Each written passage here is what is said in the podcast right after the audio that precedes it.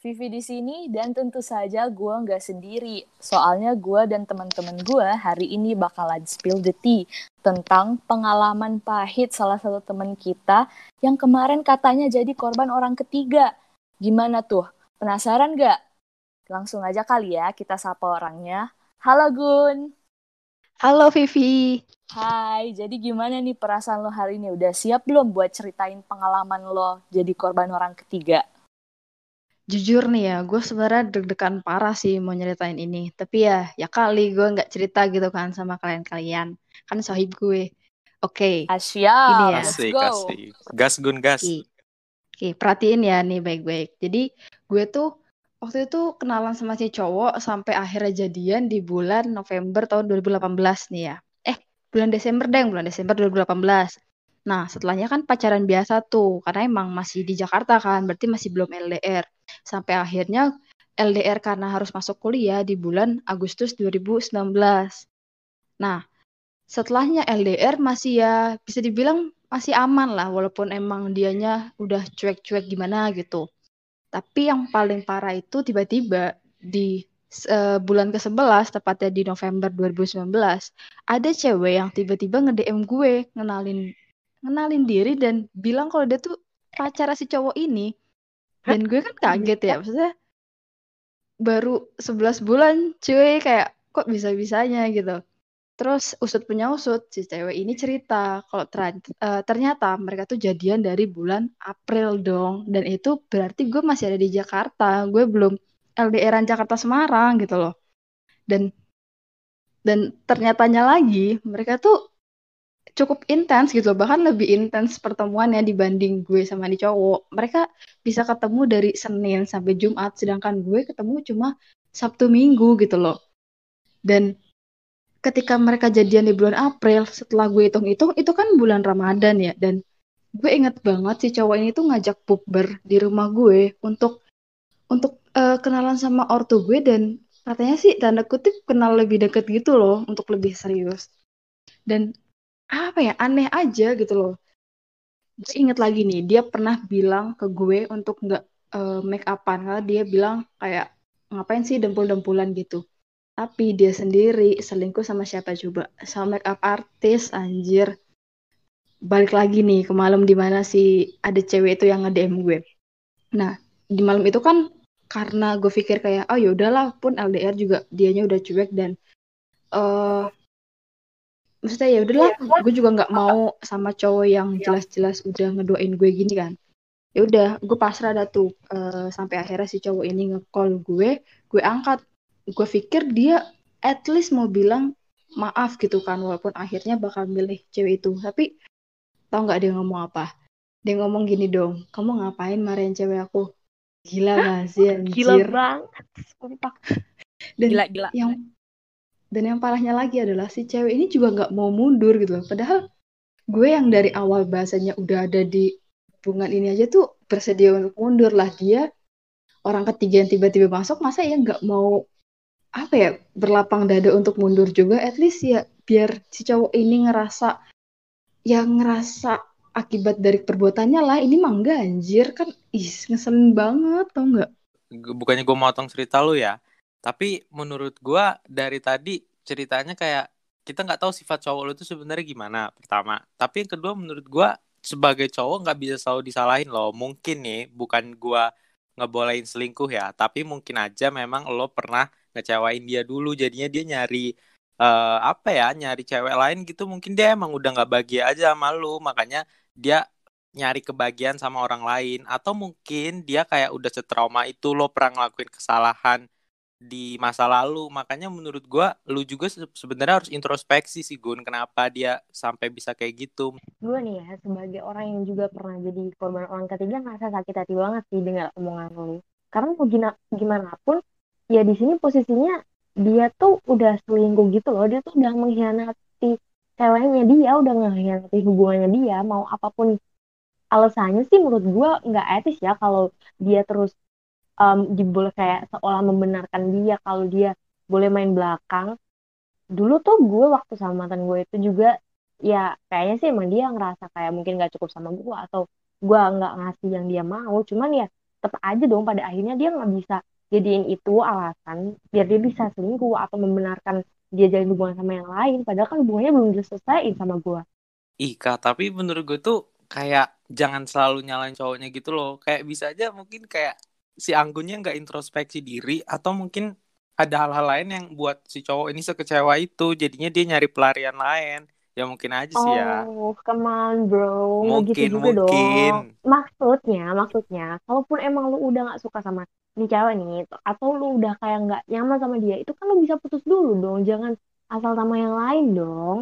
Aneh banget sih, maksudnya lu kan udah komitmen gitu loh di dalam hubungan ini. Harusnya lu tuh Udah, udah, udah, udah, udah. dulu. Ya kalau ceweknya nggak ber- Udah, udah, ceweknya nggak pernah nyadar ah, gimana? ya.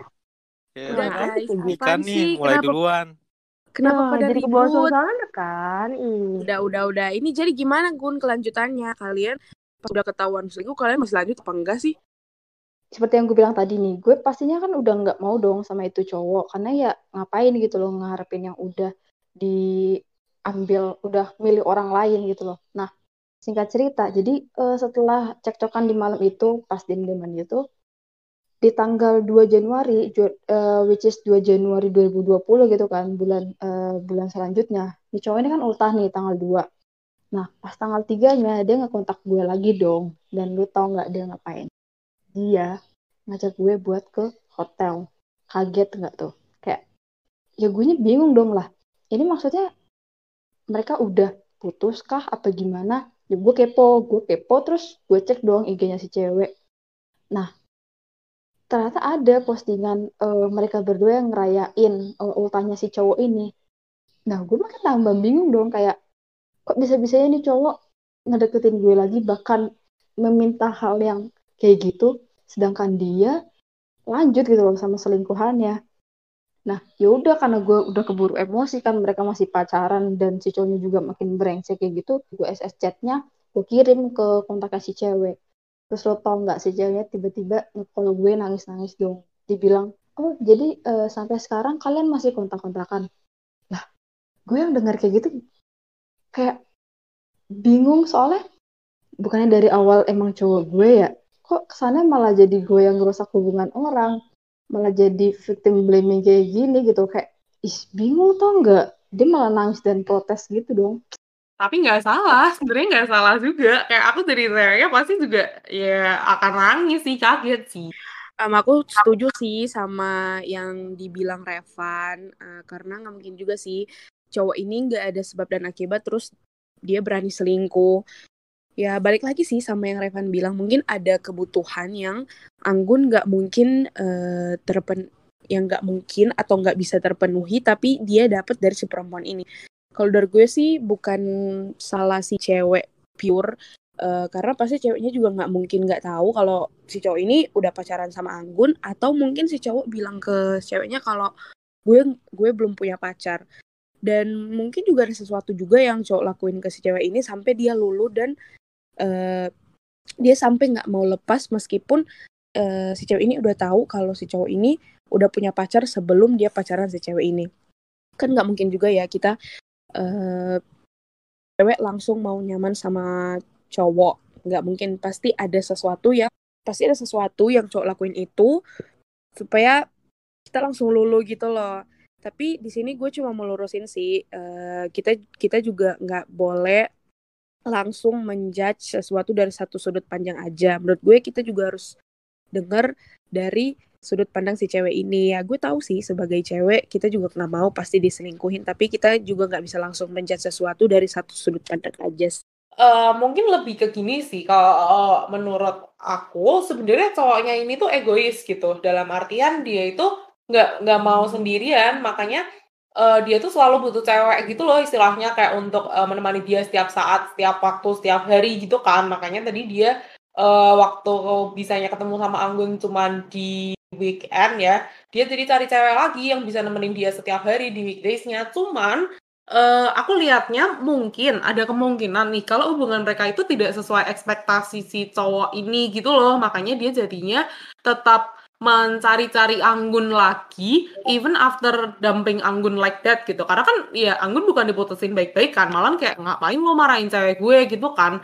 Maksudnya eh mungkin ceweknya ini either mungkin terlalu posesif atau ya pokoknya hubungannya nggak sesuai ekspektasi aja lah. Atau bahkan mungkin sampai ke poin yang ceweknya ini juga sebenarnya tuh uh, toxic tapi ya namanya racun ketemu racun ya mungkin mereka saling tidak menyadari kalau mereka itu racun dan ya jadinya cuma tambah racun aja gitu sih cuman I also think kalau yang dilakuin Anggun ini sebenarnya Iya, walaupun as a deed is a good deed, tapi the intentions itu not very kind sih, not exactly very kind sih. Gun, menurut gua lu juga agak nggak tahu diri sih di kasus ini, karena kayak udah jelas gak sih si cowoknya itu lebih milih dan punya kebahagiaan sama Hah? cewek lain bukan lo. Oh eh, my sabar, gue belum selesai.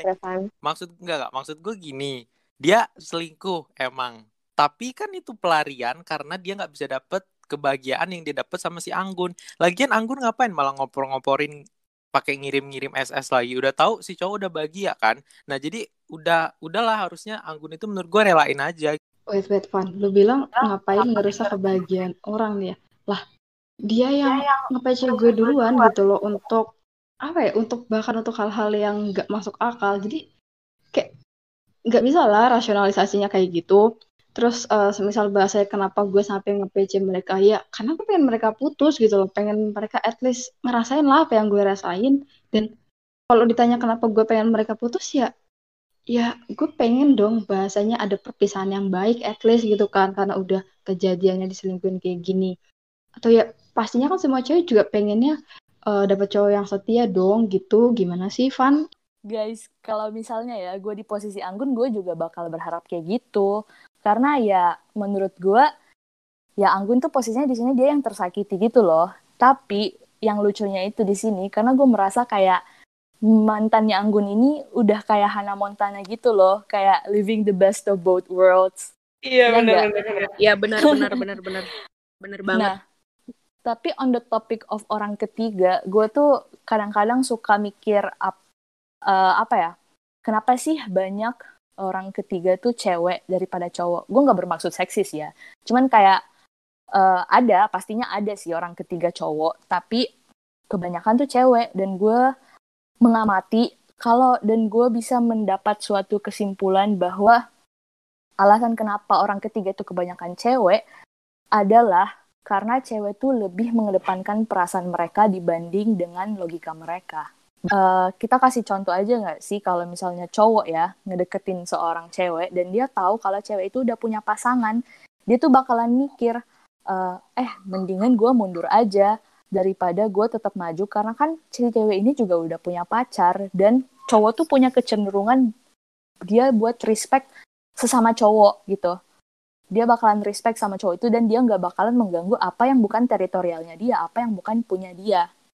Beda sama cewek biasanya kan cewek dideketin sama cowok tapi si ceweknya ini ini kayak berhubungan juga sih dengan apa yang dibilang Tupsi si cewek ini nggak tahu kalau misalnya si cowok ini punya pasangan udah punya pacar nah terus dia udah baper nih udah bawa perasaan udah suka lah udah sayang lah tapi akhirnya dia tahu kalau misalnya cowok itu udah punya cewek nah dia itu bakalan lebih mengedepankan perasaan dia. Dia bakalan tetap dekat sama cowok itu karena udah susah buat dia mikir pakai logika di mana uh, perasaan udah involve, uh, dia bakalan tetap dekat sama cowok itu. Nah, itu mungkin alasannya kenapa orang ketiga tuh lebih banyak cewek.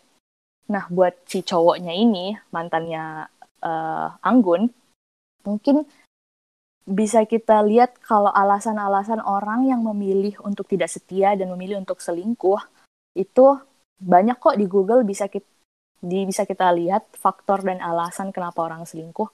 Tapi uh, bisa kita tarik benang merah dari semua alasan itu dan kita simpulin bahwa orang yang selingkuh itu lebih memilih self gratification atau kenikmatan diri mereka sendiri dibanding dengan intimasi dengan pasangan yang mereka udah punya. Kalau orang yang sudah set, yang setia, mereka lebih milih untuk menjadi intimate dengan pasangan yang mereka udah yang mereka punya mereka nggak bakalan cari orang lain yang lebih dari pasangan mereka. Mereka bakalan settle for that only. Nah, tapi dari berdasarkan itu semua yang udah kita bicarain, kita bisa setuju kan kalau misalnya selingkuh dan menjadi orang ketiga itu salah. Kata gue sih, Anggun mendingan udah move on sih Gun. Lo cari cowok lain aja. You deserve someone better. Ya gak sih? Iya, iya. Iya. Iya sih, setuju banget. kita bisa belajar dari cerita Anggun.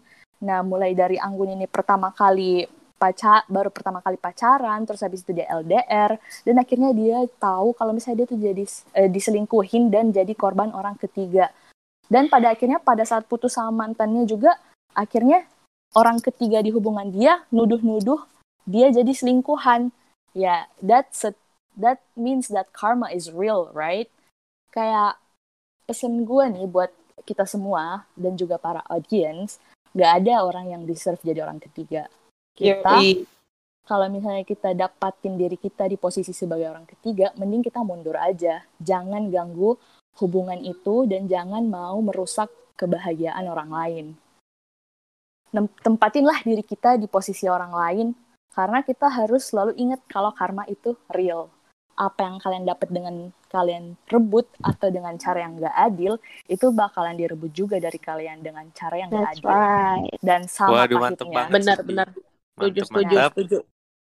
kalau kita bisa setuju dengan hal itu, that will be the end of our podcast. Oke guys, jangan lupa buat kita semua karena we're in the middle of a pandemic, jangan lupa buat stay healthy and stay safe. See you soon. Bye bye.